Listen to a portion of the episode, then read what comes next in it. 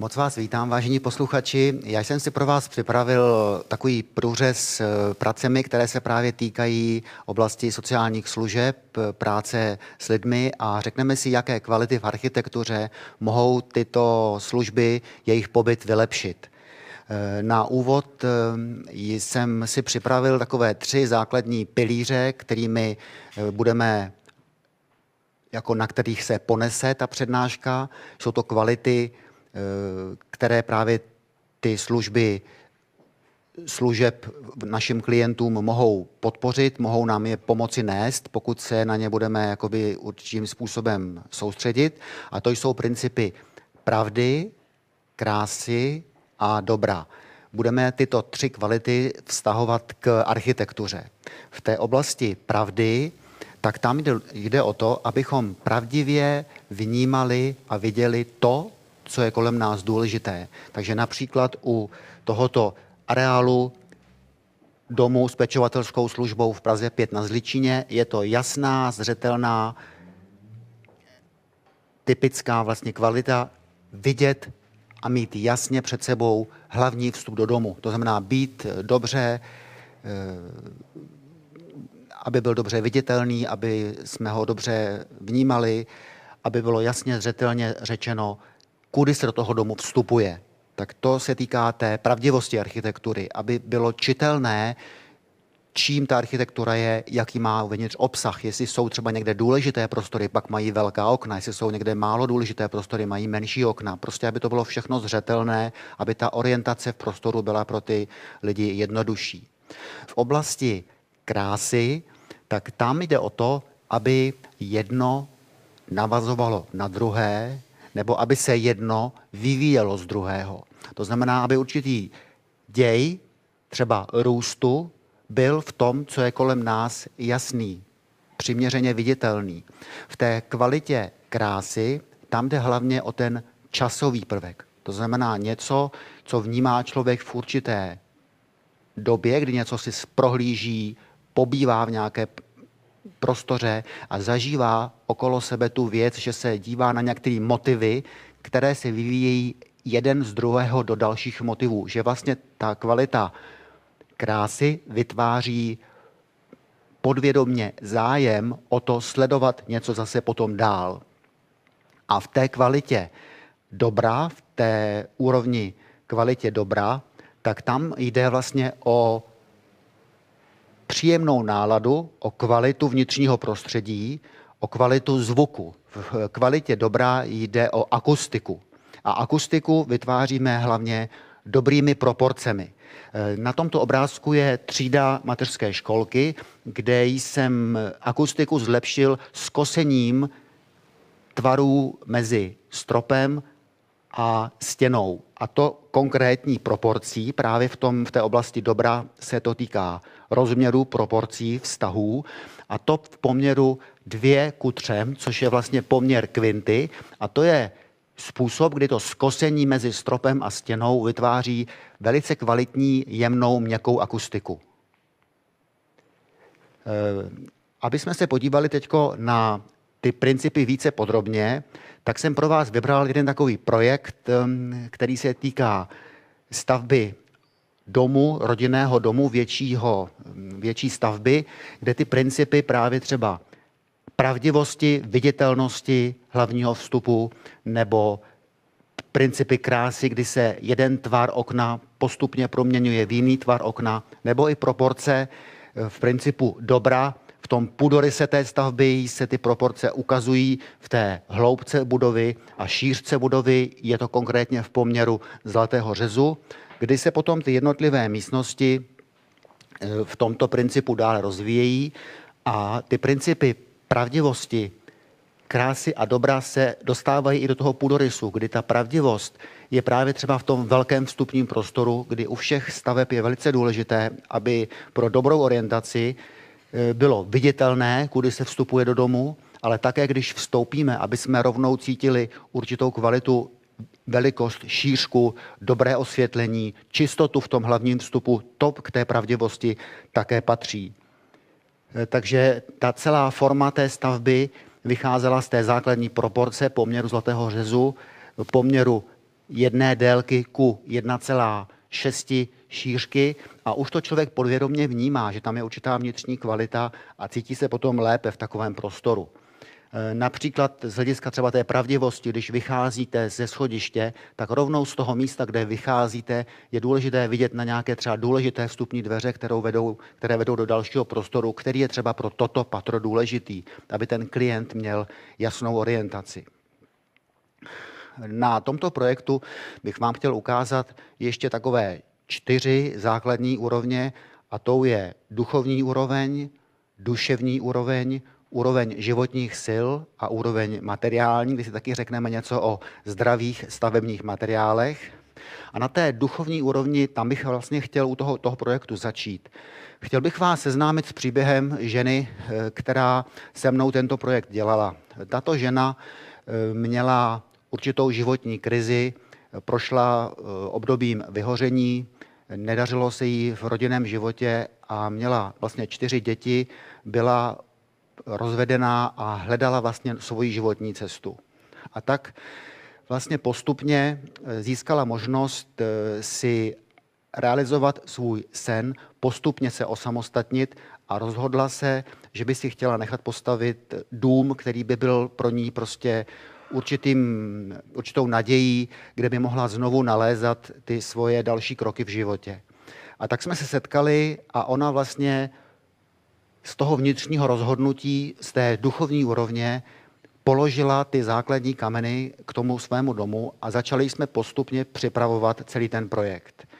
Ty první pozitivní kroky v tom začaly, když jí byl umožněn kreativní proces. To znamená, byla zapojena do procesu navrhování a mohla začít rozhodovat o tom, jaký tvar budoucí ta stavba bude mít to už se dostáváme na tu duševní úroveň, kdy e, začínáme pracovat vlastně umělecky. A to jak s tím zadavatelem, tak případně i s těmi klienty. Můžeme je zapojit do těch uměleckých procesů. To si pak řekneme i v nějakých dalších projektech, třeba domů pro ty sociální služby. Ale tady konkrétně vlastně jsem pomocí plastelíny, pomocí tvárné hmoty umožnil té klientce, aby ona se umělecky zapojila do procesu a začala opravdu tvarovat, vytvářet, modelovat ten svůj budoucí dům. A tak vznikla určitá skica toho domu, z které jsem jako architekt potom dále vycházel. Pomáhal jsem samozřejmě kontrolovat určité rozměry, šířky, orientaci té budovy a všechny ty technické věci. Ale ten základní model, který tady vidíte, tak převážně dělala pod mým dozorem právě tato klientka, která se tam hodně seberalizovala. Ona se třeba chtěla dívat na jižní stranu do zahrady, chtěla mít velký balkon. Je to v místě, kde e, bylo potřeba i stínit tu budovu, takže jsou tam velké přesahy střech, aby tam ten dům se nepřehříval. Takže všechny ty jakoby základní principy architektury tam jsou. A postupně přes, to, přes ten proces navrhování jsme procházeli společně e, celým tím dílem až do té úrovně životních sil, což je vlastně základ toho, aby se člověku zvedla nálada, aby se mu zvýšil eh, celkově, celkově vitalita. A tam je důležité pohyb. To znamená zapojování klientů do procesu návrhu přímo uměleckou činností, třeba modelováním nebo kráčením. My jsme společně s tou paní pokládali třeba základní kameny okolo pozemku, Eh, kdy ona to musela celé obejít, projít si ten svůj záměr, eh, seznámit se prostě i s tím prostředím a s tím místem. Ten dům pak stál tady, na tomto místě. Takže byla to opravdu fyzická aktivita. Vznikl i třeba model, který jsme spolu modelovali. A tady vidíte ten návrh toho domu, který pak se dále technicky budoval a ona byla stále zapojená i v těch materiálních úrovních. Pracovali jsme společně s přírodními materiály, byla stále přítomná na stavbě, dívala se prostě na ty procesy, pomáhala třeba, zapojoval se mi i do některých jednodušších činností, které byla schopná dělat a neustále byla přítomná té výstavby toho domu a viděla to, co si ona vymodelovala, že postupně prostě vzniká jako struktura. E, míchala s námi třeba hliněnou omítku, e, nechával jsem jí i e, dělat některé detaily. Na stavbě jsem jí ukázal, jak se to třeba dělá v detailu a potom ona některé věci přímo fyzicky dělala. A to teda detailu a potom ona některé věci přímo fyzicky dělala. A to teda byla jako řekněme mentálně zdravá žena. ale i jsou klienti na stavbách sociální péče, kteří třeba nemají úplně tak ideální schopnosti, ale pod vedením jsou vlastně schopni mnohých činností. Takže tady vidíte potom ten výsledný efekt, kdy ona ten svůj prostor, který pak obývá, tady ten krb, to byly ty detaily toho rohu, si prostě ona sama spolu vytvářela, samozřejmě pod vedením těch řemeslníků. Konkrétně tady v té stavbě byly použity třeba hliněné omítky, které mají přirozenou barvu. Ty prostory, které mají třeba hliněné omítky, tak jsou velice kvalitní potom na eh, vnitřní klima. Eh, je tam velice vysoká přítomnost eh, volných záporných iontů, příjemně se tam dýchá, ten vzduch je prostě jemný, je takový trošičku vlhčí. Takže vidíte, jak ona postupně rostla během toho procesu, chodila se dívat na řemeslníky, kteří tam vlastně dělali, to bylo na střeše, když jsme tam dělali třeba komín, tak se byla podívat na to. Takže nakonec ten dům, když byl už jako hotový, postavený, tak já jsem pro vás vybral obrázek právě zapáleného krbu. To teplo domácího krbu je to symbolicky řečeno, ale je to velice důležité. Prostě i třeba místa, jako je pec, kamna, tak eh, aby byly přítomné, protože třeba z hlediska té tvorby kvalitního vnitřního prostředí, tak je velice dobré třeba takzvaná kvalita sálavého tepla. To dosahujeme nejenom tím, že třeba máme krby nebo kamna, ale i třeba stěnové topení nebo podlahové topení. To jsou všechno prvky topení, kdy vyzařuje takzvaná sálavá složka tepla, která je velice důležitá pro člověka a je vlastně příjemná, je přítomná přímo vůči většímu povrchu lidského těla k nám něco sálá ze strany, takže to je určitá kvalita tepla, eh, vytápění sálavé, které právě bychom mohli zařazovat právě i do těch domů eh, sociální péče. Tady v této stavbě byla snaha použít místní, lokální materiály, takže nejenom třeba hliněné omítky, které byly opravdu dělané z té hlíny, která byla přímo nakopána, nazbírána v tom místě té stavby, takže to byl takový ekologický projekt, ale i třeba místní kámen, který byl na pozemku přímo nazbírán a z něj ten kameník stavil některé části té stavby. A zase ta žena dohlížela na to, jaká bude třeba skladba toho kamene, aby se tam cítila dobře v tom detailu, to bylo velice důležité, to utváření. Takže takový byl potom výsledek po dvou letech stavby toho domu, kdy se vlastně zhmotnilo něco, co ona úplně na počátku připravovala tím uměleckým procesem společného modelování. A takovým vyvrcholením vlastně bylo potom to, že ona nalezla znovu svůj smysl života, setkávala se pak znovu s rodinou v tom domě, mohla je tam zase pozvat, navázala znova třeba i ty styky s tím svým bývalým manželem a všechny její čtyři děti tam potom vlastně mohly s ní být, spočinout, takže ona pak na oslavu otevření toho domu je pozvala a měla velkou radost. A vlastně už je to asi 12 let, co ten dům stojí a ona celý život vlastně prožívá velice kvalitně, našla svůj nový smysl života. A když se do toho domu nastěhovala, tak asi po dvou nebo po třech týdnech namalovala takový velký obraz tady v té vstupní hale, který, jak ona ho nazvala, je zřídlem života to je vstupní hala, tady vlevo jsou vstupní dveře, jde tam přímé denní světlo a třeba z hlediska té pravdivosti a koncepce e, architektury je důležité, aby třeba hned z té vstupní haly bylo jasně zřejmé, kde jste jde třeba do prvního patra, aby ty základní principy e, orientace v té budově byly zřejmé, viditelné. Takže to byla Monce, která vlastně v tomto projektu bylo pod, pomoženo, podpořeno, aby našla nové cíle a nové e, cesty ve svém životě. Takže jsme si prošli duchovní úroveň, duševní úroveň, úroveň životních sil a materiální úroveň. To jsou takové čtyři pilíře, kterým se budeme i dále věnovat v dalších příkladech dalších projektů, které bych vám dal, chtěl ukázat. To, čím vlastně prochází ta přednáška, tak jsou tři základní pilíře, které člověk spolu prožívá při každém navrhování, při každém rozhodování a jde o to, aby svoje myšlení vlastně zabarvil cítěním, aby v té volní činnosti, v té vůle, v té vůli, kdy už potom člověk staví, kdy se rozhoduje, kdy dělá svoje činy, tak aby to myšlení bylo rovnovážné a zabarvené s tím cítěním. A já jsem si tady v tom kroku chtěl pro vás připravit jednu průpověď od Rodolfa Steinera, kterou bych chtěl teď přečíst a potom bychom v tom duchu té průpovědi pokračovali dál v další části přednášky, kdy vám ukážu konkrétní příklady dalších staveb. Hledejte skutečný, praktický, hmotný život, ale hledejte ho tak, aby vás neohlušil pro ducha, který v něm působí. Hledejte ducha, ale ne v nadsmyslové rozkoši, z nadsmyslového egoismu. Nýbrž hledejte ho, protože ho chcete nesobecky použít v praktickém životě, v hmotném světě. Uskutečněte onu starou zásadu.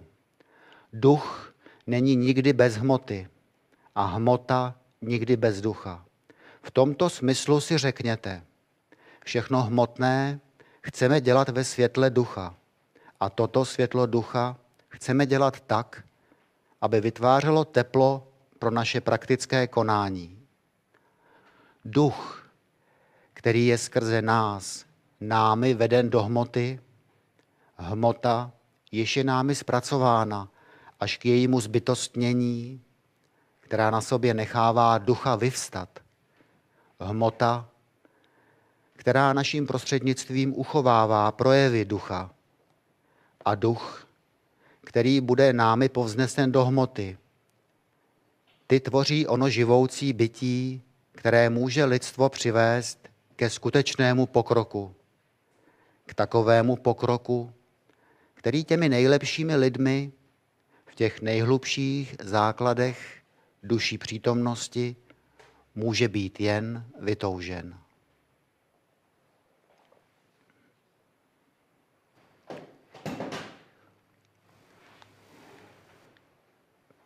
Podíváme se společně na první z projektů, který bych vám rád představil a v tomto smyslu se na něj i podíval. Je to budova chráněného bydlení, sociálního chráněného bydlení Portus, která stojí v Praze na Slabech.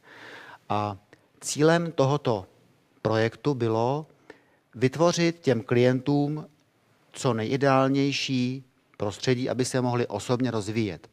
Konkrétně se jednalo o klienty, kteří měli nebo mají mentální postižení, ale to takové, že mohou částečně vykonávat běžné denní činnosti samostatně.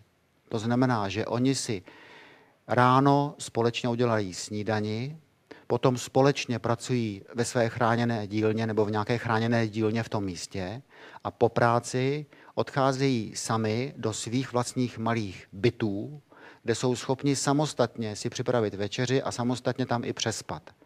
A znovu te potom s tím pečovatelem setkávají ráno ve společné místnosti na těch snídaních.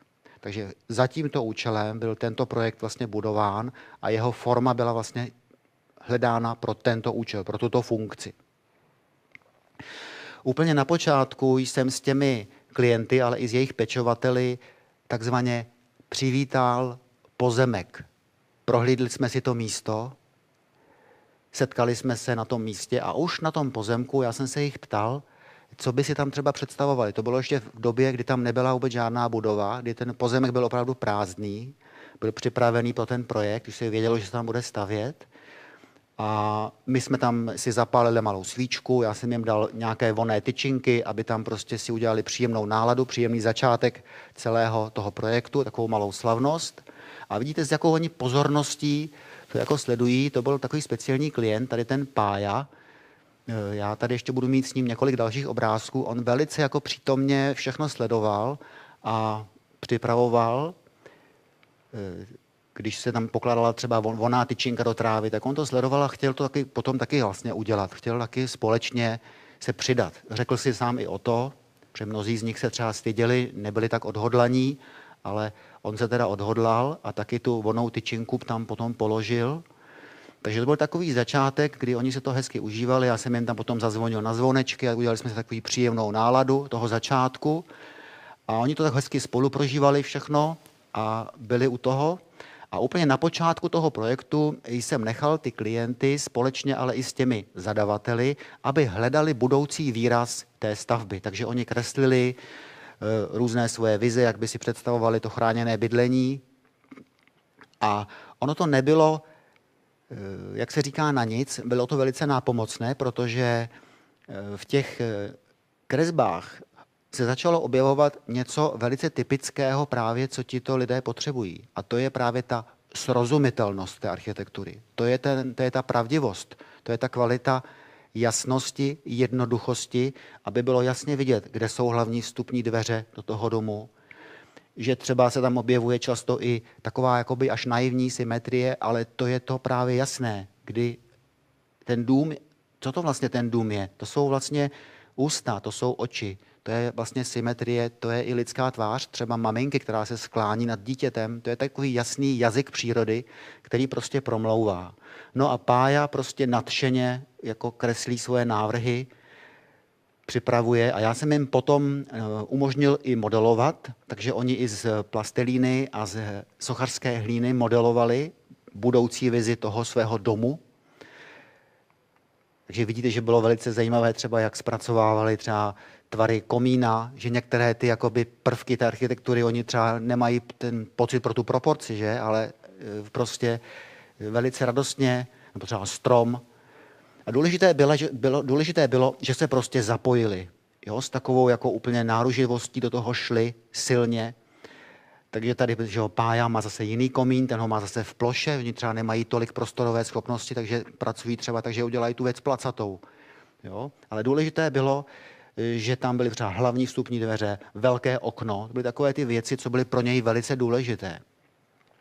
Já jsem samozřejmě potom ten konečný tvar hledal s těmi hlavními zadavateli, s těmi lidmi, kteří budou ten dům potom vést a budou se tam o to starat. Takže ty hlavní myšlenky jsme formovali spolu, že jsme si udělali tvar pozemku a na něm jsme formovali ten základní koncept, tu základní myšlenku. A ta přichází právě v tomto momentu, tady vidíte vlastně, kdy ten jeden z těch zá, hlavních zadavatelů vytváří tady hlavní koncept té budovy.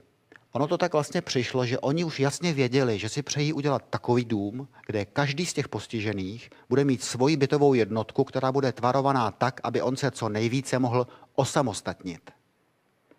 A to bylo už na začátku, tady pokládá tři kostičky v tomto momentu, ale to už vlastně byla ta myšlenka těch jednotek, těch bytových jednotek, těch základních vlastně tvarů, které jsme potom dále formovali a udělali jsme třeba takové mírné prohnutí té hlavní fasády směrem k jihu, aby tady už vznikal společenský dvůr, aby tam začal ten sociální aspekt architektury, aby tam bylo to místo setkávání, aby dům byl i ekologický, aby byl orientovaný k jihu, aby měl teplo, Jo? Takže to je ta jižní fasáda.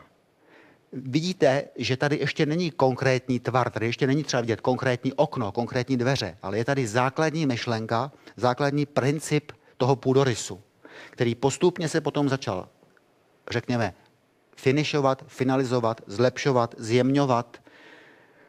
A v té skice, v tom náznaku, už tady jasně vidíte pět úplně osamostatněných vstupů, do přízemních garzoniér a potom nahoře v tom podkroví zase z druhé strany, z té severní strany, z Pavlače zase tři, čtyři vstupy do konkrétních bytů. Takže to byla základní koncepce, která vznikla tímto způsobem, tím participativním plánováním architektury společně eh, s těmi zadavateli. Potom dále to doprovází už konkrétní architektovy skici, kdy zase se tam znovu objevují hlavní vstupy, do těch garzonier v přízemí, to je ta jižní fasáda. A v tom pudorise vidíte, že jsou tady ty vstupy jasně vypíchnuté, jasně vysunuté. Ten klient, když přichází k té budově, tak se dobře orientuje, že vlastně vidí jasně ty vstupy. E, to mírné prohnutí celé té budovy e, umožňuje to, že tady je ta jižní strana taková teplá, příjemná, sociálně podporující část, je tady i zahrada a hlavní vstup na pozemek je tadyhle z té strany, z té levé strany a už když tam přichází člověk na pozemek, i ten klient nebo uživatel, kdokoliv návštěva, tak vidí částečně ty vstupy, ale vidí i tady ty boční vstupy, které jsou právě tím vstupem pro ty společné snídaně a tady potom je vstupní schodiště nahoru do toho prvního patra, do těch garzonier, které jsou eh, nahoře. Eh, přístupné tady z té Pavlače, jsou tam konkrétně naplánované čtyři garzoniéry, které jsou řešené velice prostě. Už vlastně ve, ze vstupu do každé té garzoniéry ten klient se tam dobře orientuje. Vidí hned od vstupních dveří, kde má kuchyňskou linku, vidí, kde má dveře do koupelny, vidí vstup na balkon, vidí svoji postel, to znamená orientuje se úplně jasně v tom jednoprostorovém malém bytě. Potom následovaly už další ty technické plánky, Eh, co třeba bylo taky důležité z hlediska té krásy, z těch principů krása, je to, že třeba velké je uprostřed a menší je na krajích. To znamená, že se vlastně něco snižuje ke krajům, zmenšuje. To je jeden z principů řádu přírody, že vlastně i třeba, když vezmete strom nebo lidskou ruku, končetinu, že všecko vlastně, co je živé v přírodě okolo nás, tak ke krajům je, řekněme, jemnější, menší. Je to i v architektuře, to i třeba vidíte u gotické architektury, která směrem nahoru se zjemňuje a jakoby mizí jako větve stromu, listy. Takže to, co se vlastně ke krajům stává menší, je pro člověka příjemnější ke sledování, je to pro něj vlastně přirozené. To je pohled na jižní fasádu toho domu, kde se právě eh, odehrává setkávání v těch odpoledních hodinách i těch klientů mezi sebou. To byl hlavní účel toho domu. Tady je pohled na tu severní fasádu s tou, s tou e, pasáží v prvním patře. A z hlediska kompozice třeba těch jednotlivých vstupů byla důležitá také symetrie, která patří k těm základním principům čitelnosti, k té pravdivosti, kdy symetrie podle svislé osy je pro ty klienty v oblasti sociální péče lépe srozumitelná. Pohled od vstupu na pozemek, eh, jasně, zřetelně vidět, kde se jde do prvního patra, kde se vstupuje do toho podpůrného prostoru, kde mají ty společné snídaně, nebo i třeba malá symetrie u těch oken do koupelny, kde zase podle svislé oci jsou třeba dvě okna a jasně říkají, tady je něco méně důležitého, má to menší okna, tady něco je více důležitého, má to větší okenní otvory, větší dveře. I třeba takové drobné motivy, jako je směr těch šprušlí na zábradlí, kdy oni jsou vlastně skloněné jakoby tímto způsobem, vytvářejí určitou stabilitu pro toho člověka. Jsou to i třeba tyto skosení vedle oken nebo i to skosení těch střech. Ti lidé potřebují určitou jakoby jistotu, určité jakoby sklidnění nad sebou, určité jakoby uzavření toho prostoru, které jim dává v té horní části té horní části nad, nad člověkem určitou uzavírající takovou kvalitu, formující jistotu. Takže tomu i ty formy té budovy napomáhají a formy i těch oken.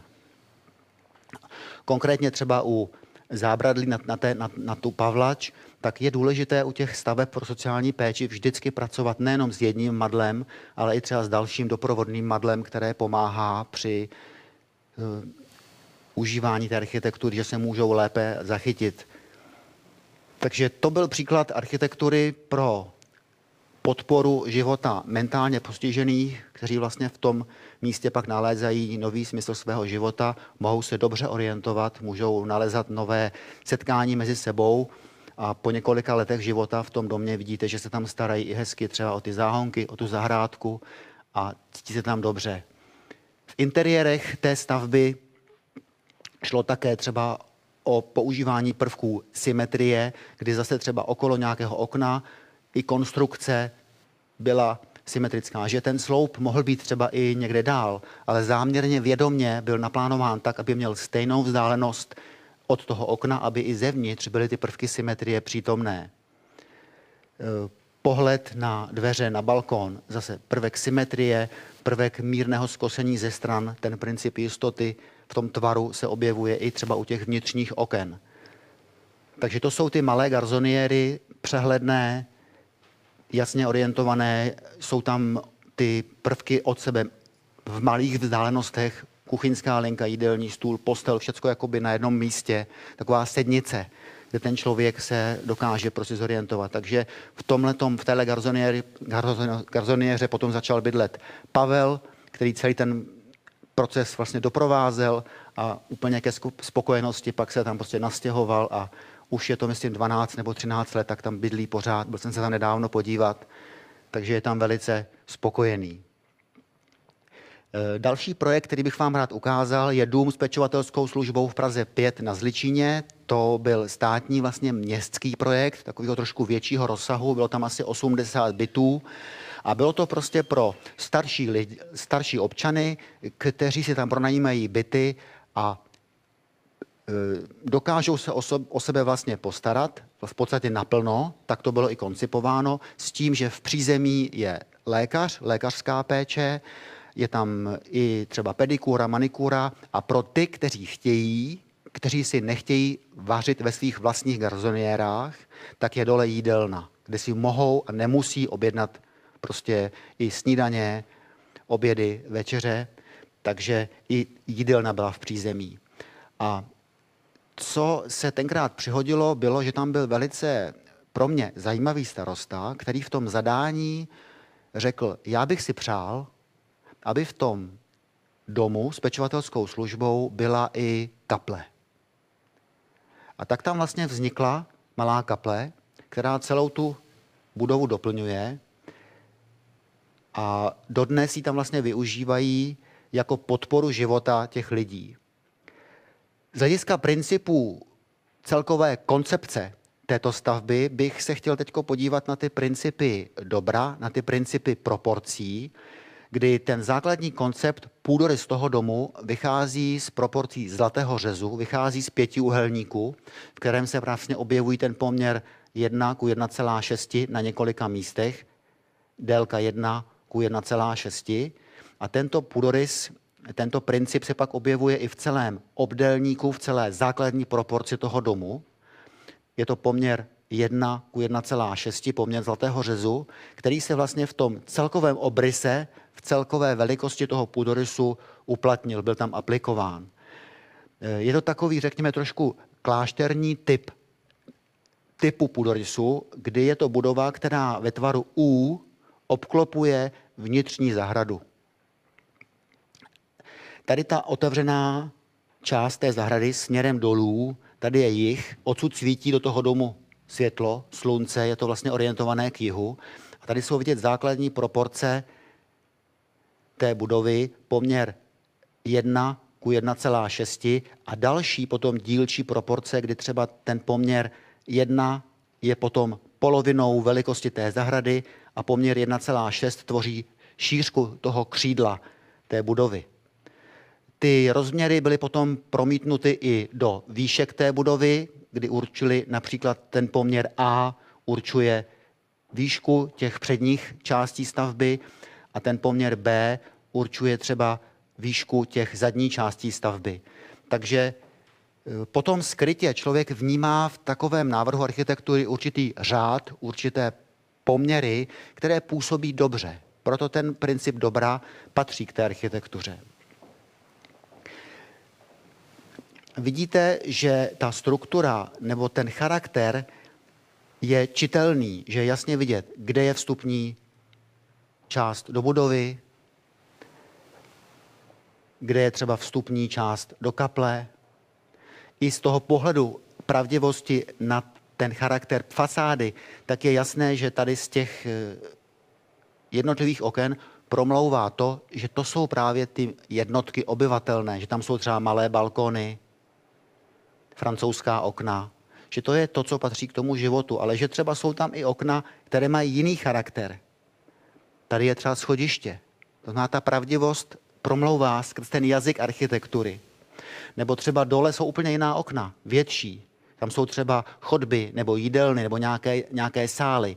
Takže ta pravdivost promlouvá skrze ty tvary té architektury, kdy je jasně zřetelné, kde je hlavní vstup a že třeba hlavní vstupem, už když vidí, vstupujete, blížíte se k těm dveřím hlavním, tak vzadu Na konci vstupní haly už vidíte stoupající schodiště do pater. Takže tam je jasná zřetelnost, jak to vlastně pokračuje a ten přicházející se může dobře orientovat. Že tady je vidět, jak ta budova celá byla koncipovaná, že byla vlastně do toho tvaru U s tou velkou vnitřní jižní zahradou.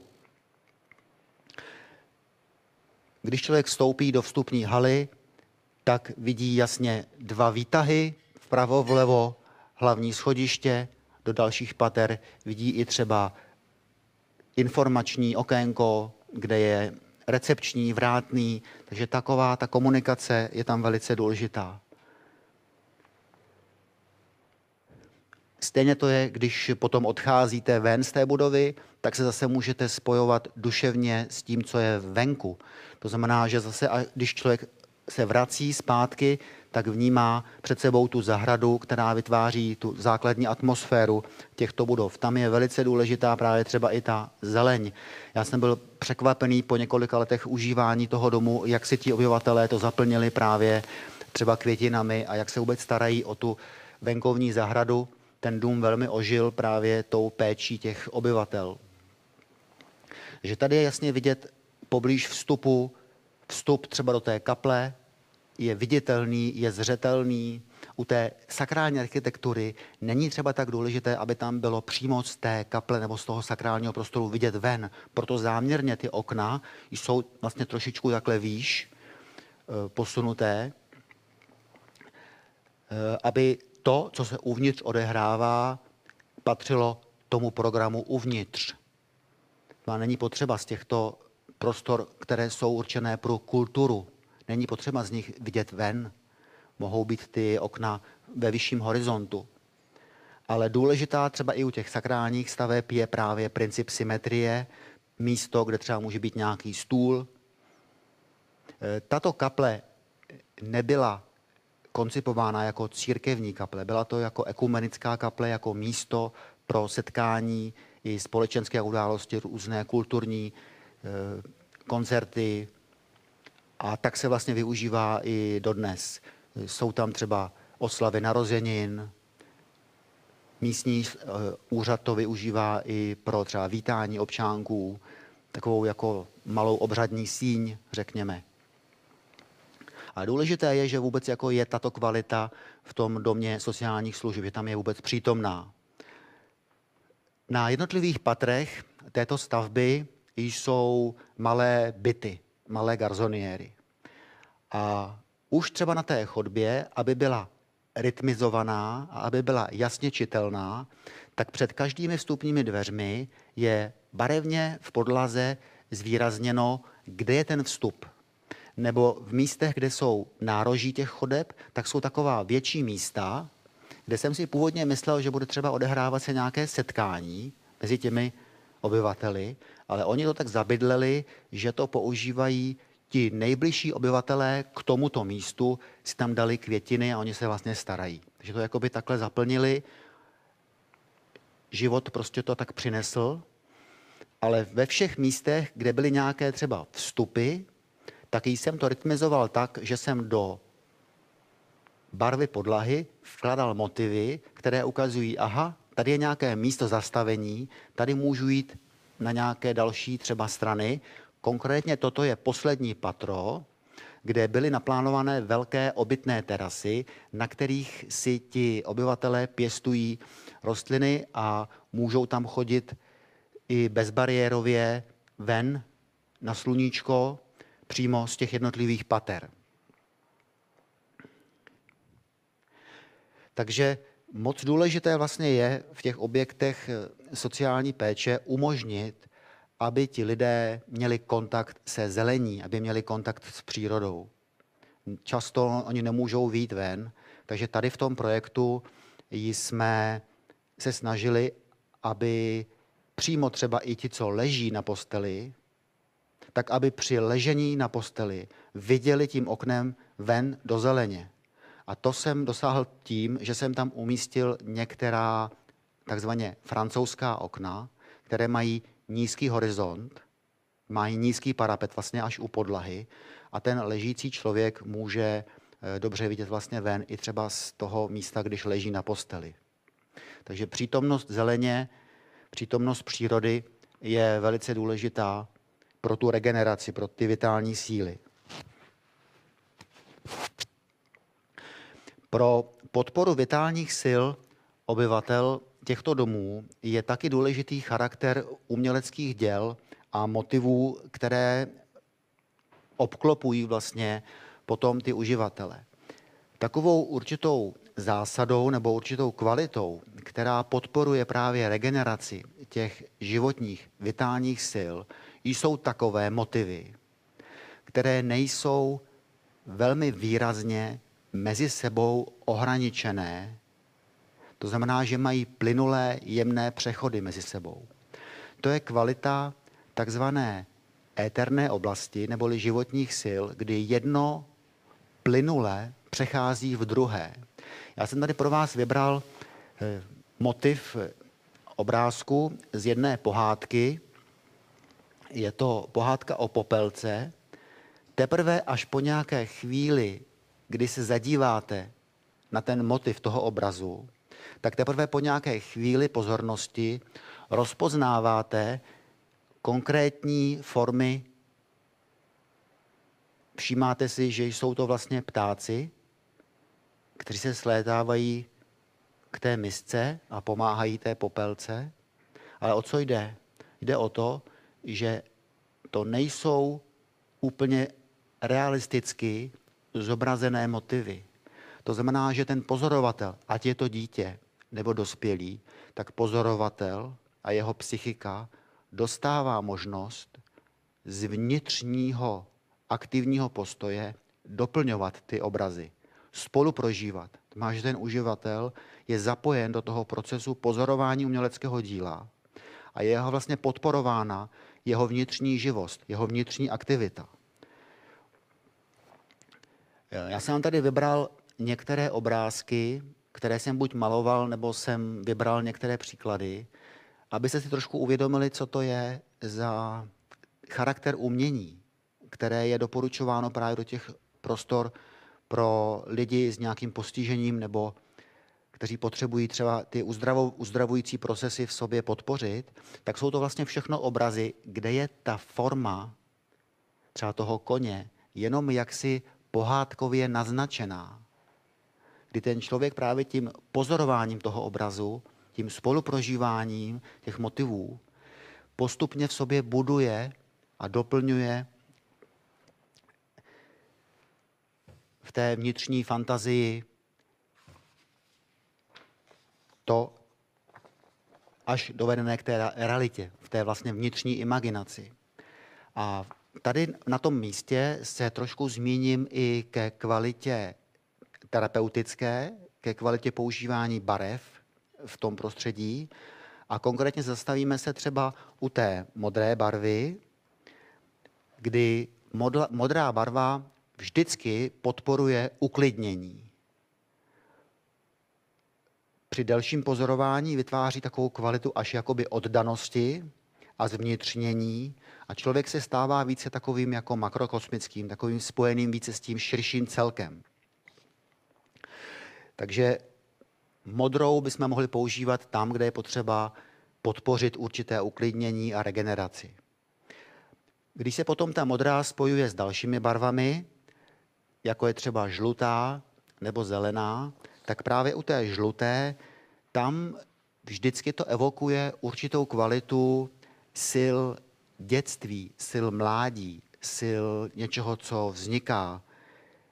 Je to takový lidský duch, taková naděje. Je to vlastně barva vznešená, která je velice radostná a vždycky jde kupředu. A samozřejmě, když se ta žlutá třeba spojuje s tou modrou, tak vzniká ve svém počátku zelená barva, která v těch eh, zařízeních třeba pro eh, léčebné účely nebo pro sociální péči vždycky bude vytvářet určitou stabilní atmosféru, určitou stabilní náladu. Zelená barva podporuje vlastně životní síly, podporuje eh, i sebedůvěru, takové jakoby uzemnění a vždycky to znamená takový zárodek nového života, takže ta zelená je dobrá vlastně používat ji všude tam, kde potřebujeme určitou půdu pod nohama, řekněme, vybudovat.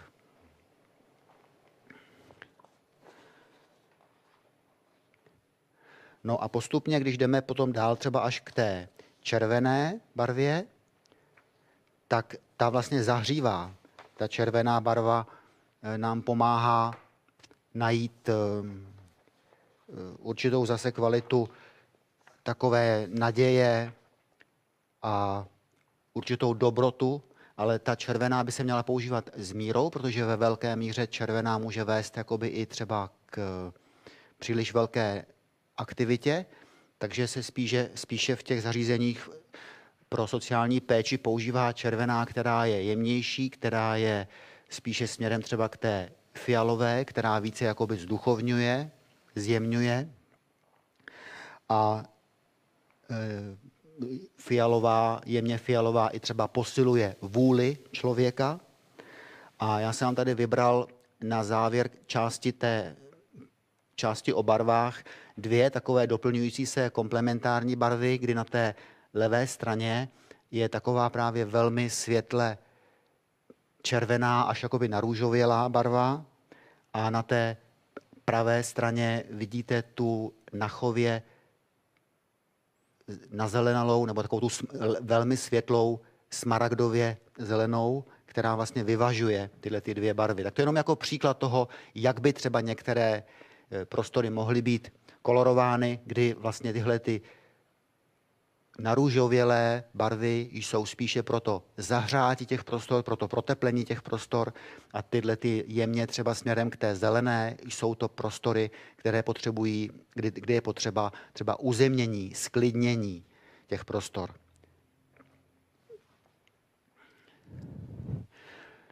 A ty barvy můžeme uplatňovat nejenom v obrazech, nejenom v umělecké výzdobě těch prostor, ale i třeba při lazurování stěn. Tady je detail toho, jak se lazurují stěny. A co je právě důležité, je, aby se pokusil ten, kdo lazuruje ty stěny, aby nalezl přechody mezi barvami, aby z nějaké sité dokázal postupně přejít do méně sité a úplně třeba dostracena do jiné barvy. Protože všechny tyhle ty místa, kde jedno přechází v druhé, tak se vytváří terapeutické síly právě pro toho, kdo pozoruje to prostředí okolo sebe, kdy je tam určitý jakoby dech, vnitřní dech, nádech, výdech toho, že jedno přechází v druhé. Podobně to je i v zaoblených, ať jsou to rohy vnitřní nebo rohy vnitřní, tak vždycky tam se děje co? Děje se tam to, že přechází světlo, že přechází světlé ve tmavé, ale postupně, plynule. A to je moc důležité pro tvorbu vnitřních prostředí. Takže například chodba může být vymalována tak, že třeba nějaká barva v přízemí je jiná než barvy v patře a ty postupně do sebe jako přecházejí.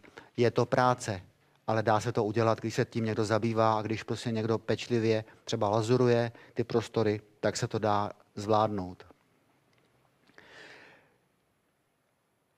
Otázka duchovní úrovně při koncipování prostor staveb pro sociální péči, tak tam je důležité, aby jsme mohli zařadit do těch staveb nějaký ten sakrální posvátný rozměr.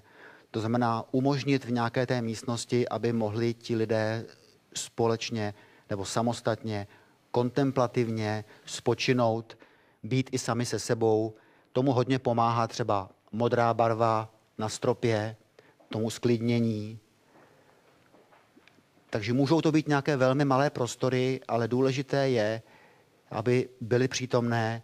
A jak jsem uvedl i třeba u toho příkladu té stavby na Zličině, to nemusí být prostor, který je církevně orientovaný. To může být neutrální prostor, který bude právě využíván i třeba na to, že se někdo tam teda sám se sebou nebo s někým ve smyslu církve setká, ale může to být také prostor úplně neutrální, kde se odehrávají třeba setkání mezi lidmi a ty prostory se využívají kulturně. Takže malá kaple, prostě všechno takové je důležité. A abych trošku pomohl i těm, kteří vydávají velkou energii eh, a pečují o ty potřebné, tak jsem tady zařadil několik příkladů toho, eh, jak eh, můžeme sami pro sebe si udělat některá osobní hygienická cvičení právě v té oblasti arteterapie. Jednou z oblastí, která hodně pomáhá, je vlastně barevné malování, práce s barvami, ale bez záměru. To, co tady vidíte teď před sebou, tak to je už výsledek. Je to výsledek zhruba dvoudenní práce, vrstvení barev na sebe a jde o to, že tři základní barvy, žlutá, červená a modrá, se kladou do vlhkého papíru od velmi, velmi světlých barev a velmi postupně. A cílem je nemít na začátku žádný záměr o budoucím motivu. To znamená, cílem tohoto hygienického cvičení je nechat postupně vznikat motiv, který teprve vzejde z toho, jak ty barvy na sebe kladu, jak je nechávám vyznít, jak se oni překrývají.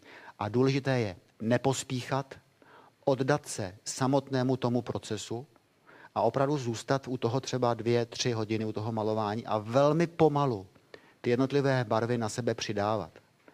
To ponoření se do tohoto procesu je velice terapeutické a buduje to e, životní síly a je to velice vhodné cvičení právě pro lidi, kteří vydávají hodně sil při péči o postižené a o potřebné. Takže je to z takových jedno z doporučení pro určitou terapeutickou práci, kterou si dělám tedy sám pro sebe. Samozřejmě pokud v tom získám určitou kvalitu, tak mohu třeba tyto motivy i malovat někde třeba na zeď nebo jako obrazy. To je také možné, ale zařadil jsem to sem proto, abych vám ukázal, jak pracovat sám pro sebe a jak ty svoje životní síly si budovat. Patří k tomu i třeba práce s materiálem. Tady konkrétně to je detail řezbářsky upraveného povrchu, kdy si malým řezbářským dlátkem do nějakého prkenka postupně odřezáváte, oddlabáváte ten povrch. Zpracováváte plasticky malou část dřeva a hledáte pouze nižší a vyšší části té plochy. Nižší tam, kde to dřevo samo o sobě je měkčí a můžete ho odebrat víc, vyšší tam, kde to dřevo je tvrdší a nedovoluje vám tolik odebírat jeho materiál. Takže to je jenom čas, taková postupnost, kdy získávám potom jako výsledek plasticitu, povrch, který si můžu třeba rukou osahat a vnímat vlastně, jak jsem to udělal plasticky zajímavé a propracované. Tady je příklad kousku měděného plechu, který je otepaný, to je podobné jako v tom řezbářství. Tady setkávám se s materiálem a zpracovávám ho povrchově a můžu ho potom i osahávat. Vůbec v těch zařízeních pro sociální péči je velice důležité, abychom věci dotahovali do detailu, aby se všechno velice jakoby dopracovávalo. Patří k tomu samozřejmě udržování i čistoty, ale patří k tomu i detailní propracovávání detailů, ať nábytku nebo vlastních staveb. A jedno z takových dalších doporučení je třeba pro tu vlastní hygienickou práci pracovat i s plastickými materiály, jako je třeba sochařská hlína nebo plastelína. A tady je ukázka zase kousku povrchu, kde si ten člověk zkouší jenom plasticky modelovat nižší, vyšší části, aby jedno navazovalo na druhé. Takže tyhle ty principy lze potom použít i v architektuře. Takový náročnější potom úkoly jsou třeba i práce se zaobleným a dutým, kdy z těch základních tvarů třeba oblého z nějaké koule postupně propracovávám místo, které je dovnitř a místo, které je ven. Tomu se říká proměna tvarů, kdy si cvičí ten člověk to, co je vnější a to, co je vnitřní. A tyhle ty tvary přecházející to jsou takové už potom složitější úkoly, tak tohle všechno se dá použít v té takzvaně organicky tvarované architektuře. To jsou takové cvičení k tomu, ale jsou to i terapeutická cvičení vlastní, kdy ten člověk si cvičí vnější, vyduté, postupný přechod do vnitřního, postupný vnější tvar, vnitřní tvar, nebo i ladné křivky, všecko by zaoblené, jemně přecházející jedno v druhé. To jsou všechno základy pro tu terapeuticky působící architekturu. Eh, podíváme se ještě v tomto duchu na další příklad areálu se sociální péčí. Je to sociálně terapeutické zařízení Camp Hill v Českých Kopistech, kde také bylo společně pracováno úplně na začátku s týmem pečovatelů a byl položen základní kámen celého toho areálu. To jsme teď na té duchovní úrovni, která se týká záměru, cíle, zadání. Potom následně byl zase proces navrhování společně s týmem těch pečovatelů. Jsme navrhovali budoucí úpravu a rekonstrukci celého areálu, toho areálu a vznikl takový velký architektonický model, kde jsou některé stávající budovy, ale i některé nově dostavěné budovy, jako třeba kulturní sál nebo dva domy pro ubytování pečovatelů a uživatelů, nově postavené, nebo i třeba malá místní kaple. Takže takový model vznikl asi z třídení společné práce těch budoucích uživatelů a na základě toho potom vzniká i konkrétní plánek. To znamená, plánek nevzniká dopředu, ale vzniká až potom, co se projde s těmi lidmi právě to modelování. Ten umělecký proces, kde se všechny ty konkrétní eh, obsahové věci už zapracovávají. To znamená, vědomně se říká, tady bude jídelna, tady bude bydlet tato rodina, tady bude ten pokoj, tady bude druhý pokoj, tady bude třetí pokoj. No a už v tomto procesu modelování se úplně konkrétně mluví o každém prostoru, který tam bude a i o tom, jak bude užíván. Takže potom toto vzniká jako následný krok, který už jenom zachycuje, kde co bude a konkrétně třeba v tomto projektu. Jako středem celého toho areálu je velká jídelna, nad kterou v patře pak je malý divadelní sál. To je takový hlavní střed. Pak jsou tady uživatelské domy, tři, kde principem Campbellu je, že v jednom domě bydlí rodina a ta si bere do svojí péče tolik klientů, které zvládne, s kterými tam přespává, sdílí s nima například snídaně a všechno ostatní se potom děje přes den už v chráněných dílnách, kde si je rozdělují. A my se spolu konkrétně podíváme na tento dům, v kterém je dole chráněná dílna svíčkařská a textilní. To je tento dům. A nahoře ti obyvatelé mají svoje malé pokojíky a byty. Konkrétně v tomto zařízení si také do svojí péče berou tak mentálně postižené, kteří jsou schopni víceméně samostatnosti, ale při doprovodu toho pečovatele. To znamená, že všechny činnosti dělají společně s doprovodem. I přípravu jídla, i veškeré ty práce v těch chráněných dílnách. Z hlediska koncepce vidíte třeba jasně, že tady je vidět, kde je hlavní vstup do toho prvního patra. Nebo když se podíváte na ty budovy potom více zblízka, je to čitelné. Už z toho přízemí vidíte hlavní vstupní dveře nahoře do patra. Pravdivost architektury nebo důležitost vstupu do chráněné dílny. Už je tam třeba vidět i dovnitř, co se tam děje. Jsou tam větší okna. Tady jsou třeba menší okna v těchto dveřích. Tento vstup je technický a není tak důležitý, jako tady ten vstup napravo. Tady je svíčař, svíčkařská dílna a tady vlevo potom jsou pak další dveře a tam je textilní dílna. Takže důležitost čitelnosti dveří, čitelnosti vstupů nebo i zaoblování prostor, tvarů je důležité, protože to vede k tomu, že se psychicky člověk podporuje, zahřívá, získává ze zhora jistotu. My jsme viděli u toho domu na Slapech, že jsem tam pracoval více s geometrickými tvary, spíše s těmi tvary více mm, lineárními.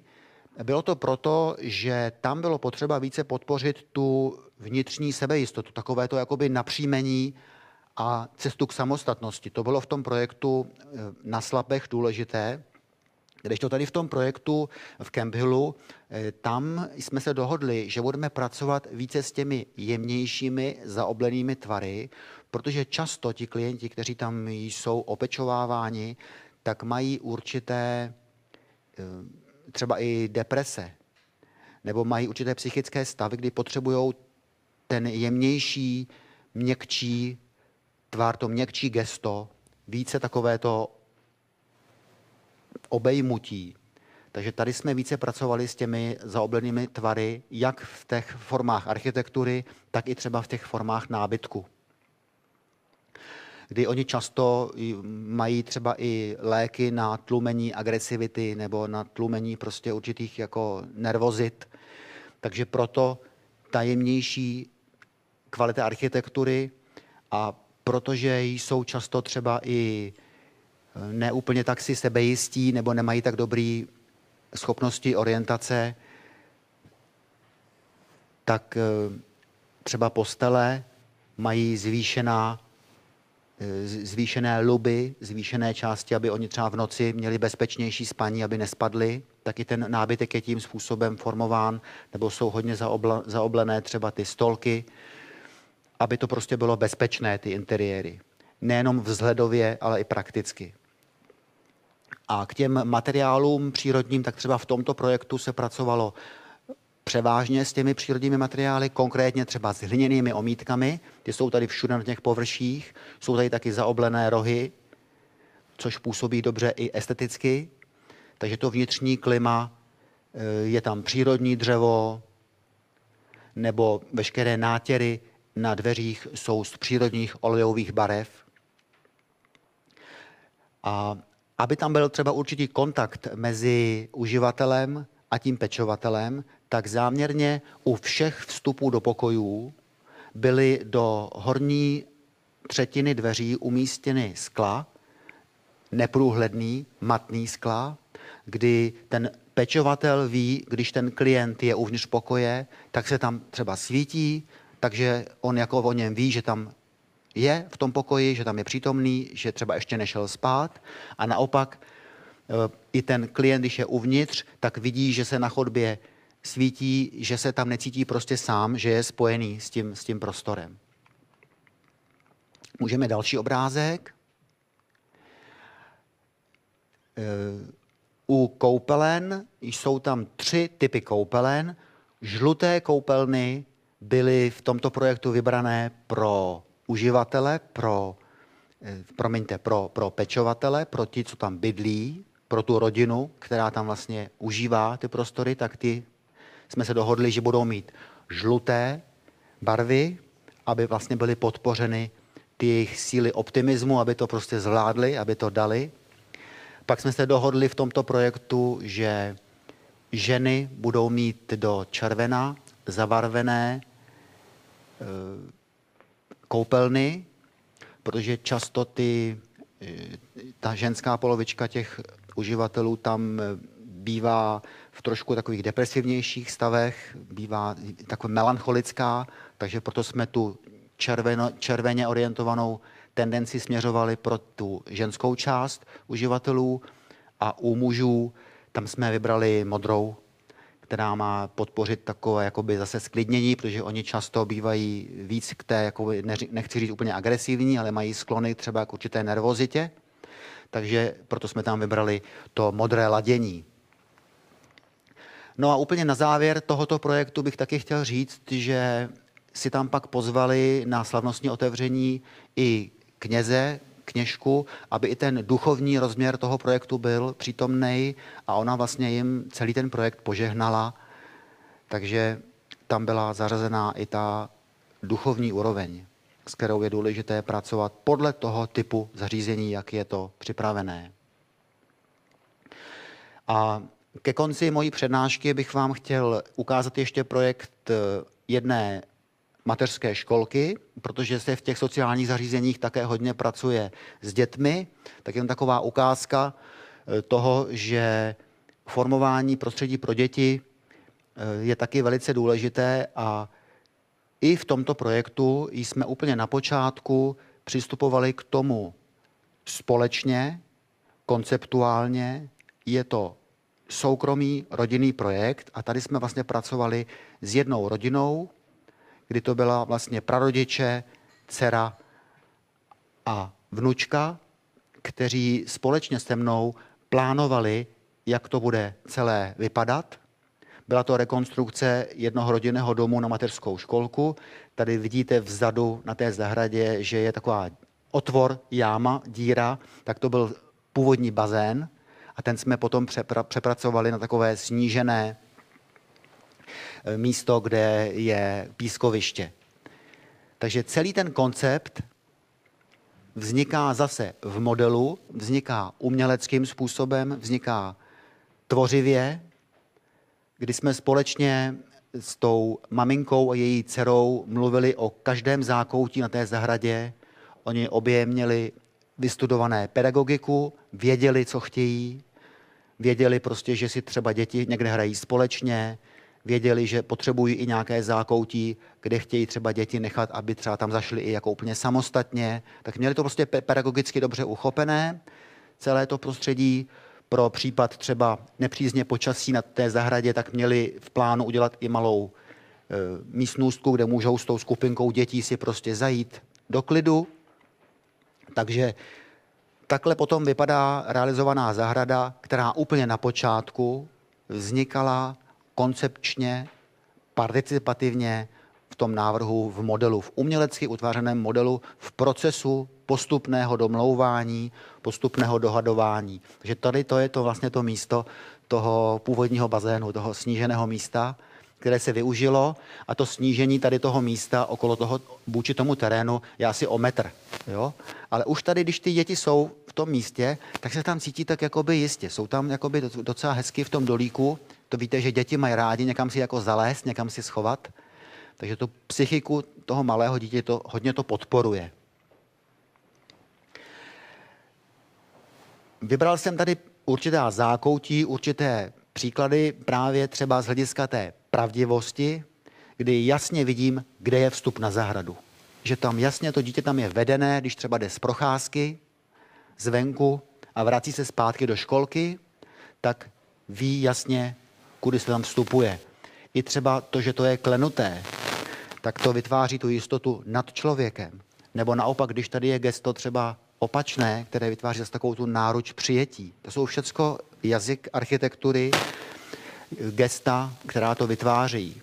Tady je detail toho modelu, když se vstupuje z ulice, tak jasně je vidět, kde je hlavní vstup do školky. Ale když se třeba jde na zahradu, třeba z procházky, nebo když přichází si rodiče pro děti, tak jsou vedeni určitými prvky směrem třeba na tu zahradu. Můžou to jakoby obejít. Takže na nároží je první taková zastávka, brána, kterou prochází a tady pak pokračuje dál na tu zahradu.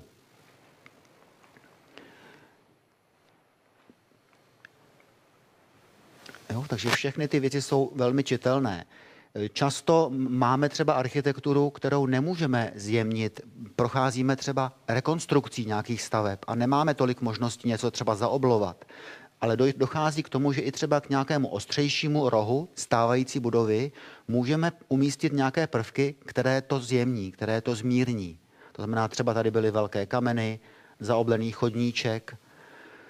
Takže jsou určité prvky, kterými můžeme takhle pracovat tady v tom projektu také chtěli pracovat s tím, jak eh, se vytváří vztah s rodiči, tedy s těmi, kdo si třeba přichází pro ty děti. A protože eh, nechodí tak často do interiéru ty, ty rodiče, tak jim tady bylo vytvořeno u, u vstupní branky takové místo, které bylo konkrétně pro ty rodiče, kde můžou třeba chvilku si sednout, počkat těch pět, deset minut na to dítě, navázat i nějaké sociální vztahy. A všechno bylo dělané takovou herní formou, kdy samozřejmě jsou to i místa, kde ty děti, když pak se setkají s tou maminkou nebo s tatínkem, tak můžou poskakovat a projít si to jako vlastně prolezačku.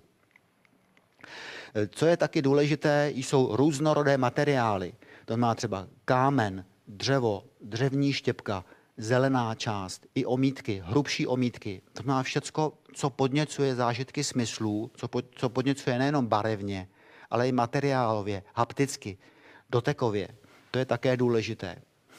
aby prostě bylo se jakoby opravdu na co podívat, aby člověk mohl plynout zrakem, kdy jedno přechází postupně v druhé, aby ty principy tam byly prostě přítomné, aby bylo co pozorovat. Jak jsem mluvil o té symetrii, která je důležitá, tak je taky důležitá mírná asymetrie. To znamená, tady vidíte třeba v té vlně je určitá mírná, jemná asymetrie. To je prostě život. Takže vstupní dveře, aby si to dítě to dobře pamatovalo, když prostě vypráví zážitek třeba, kam chodilo do školky, tak aby to tam prostě bylo, bylo přítomné.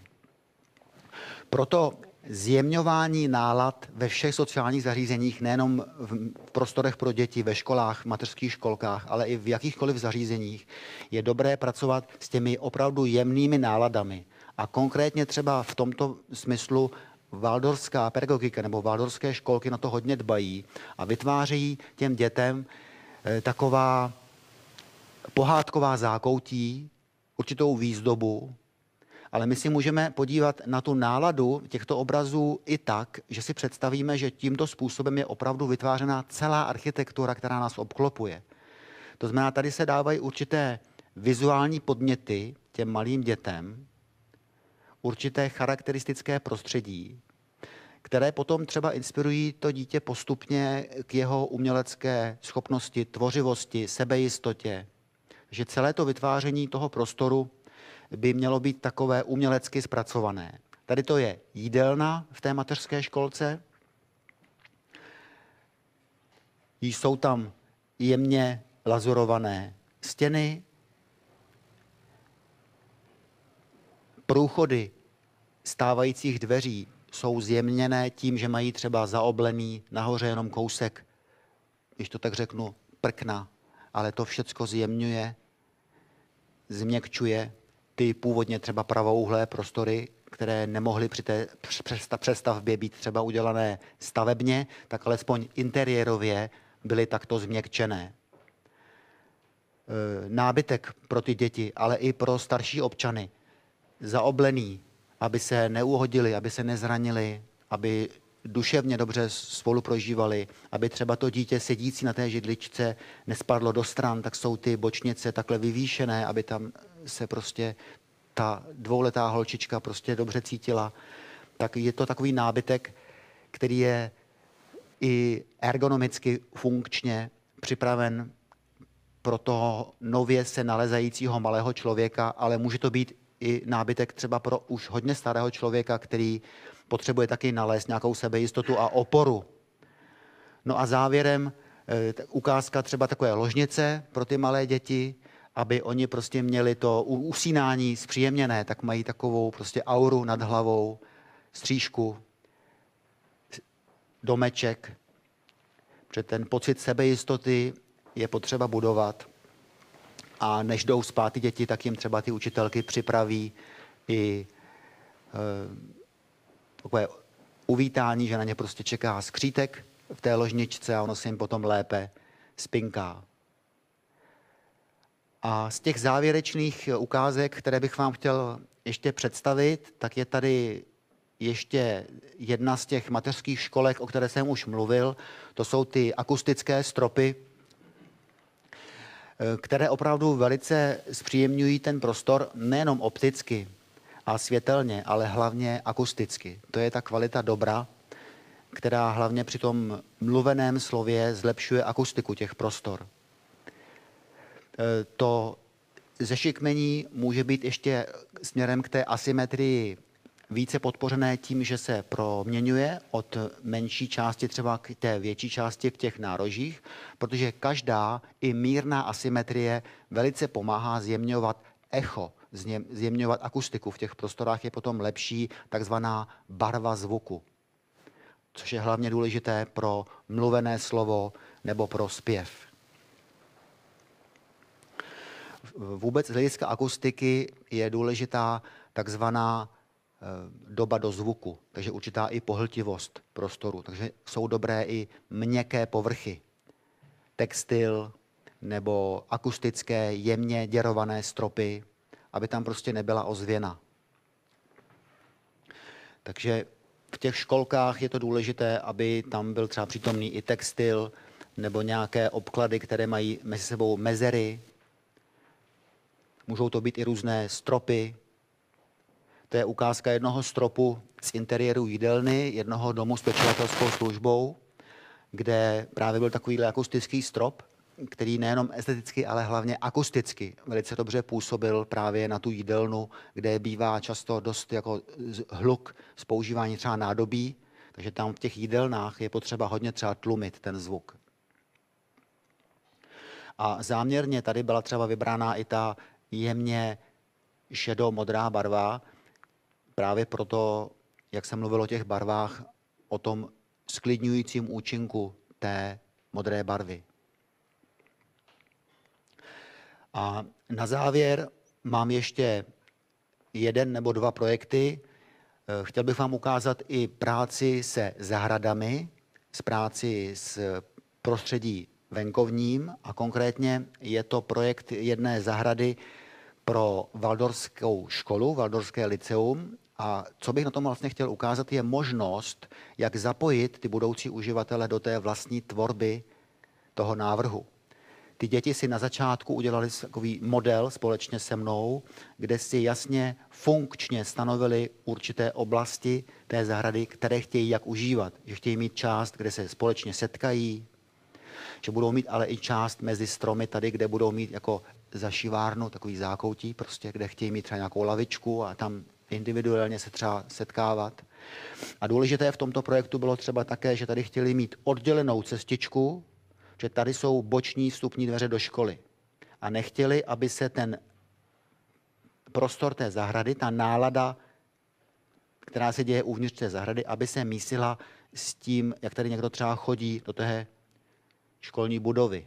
Tak proto tady vznikl tady ten vyšší, takový vyvýšený val, který zaplněný zelení odděluje psychicky a vizuálně ty dva prostory mezi sebou. Na počátku si ti studenti udělali oslavu, položení základního kamene té svojí zahrady. To bylo potom, co jsme už měli udělaný ten model, kdy oni věděli, kde co budou mít. Potom podle toho modelu si vytyčili ty základní zóny té zahrady a společně s rodiči a s učiteli to opravdu budovali. A co bylo důležité tady v tom momentu, bylo to, že oni už se nedomlouvali, kde co přesně bude. Oni už to věděli, protože v tom modelu se už vlastně dohodli. Takže už to byla ta oblast té vůle, kdy prošlo myšlení a cítění skrze utváření toho modelu a v té volní činnosti oni už se pak mohli seberealizovat přímo v tom utváření té zahrady.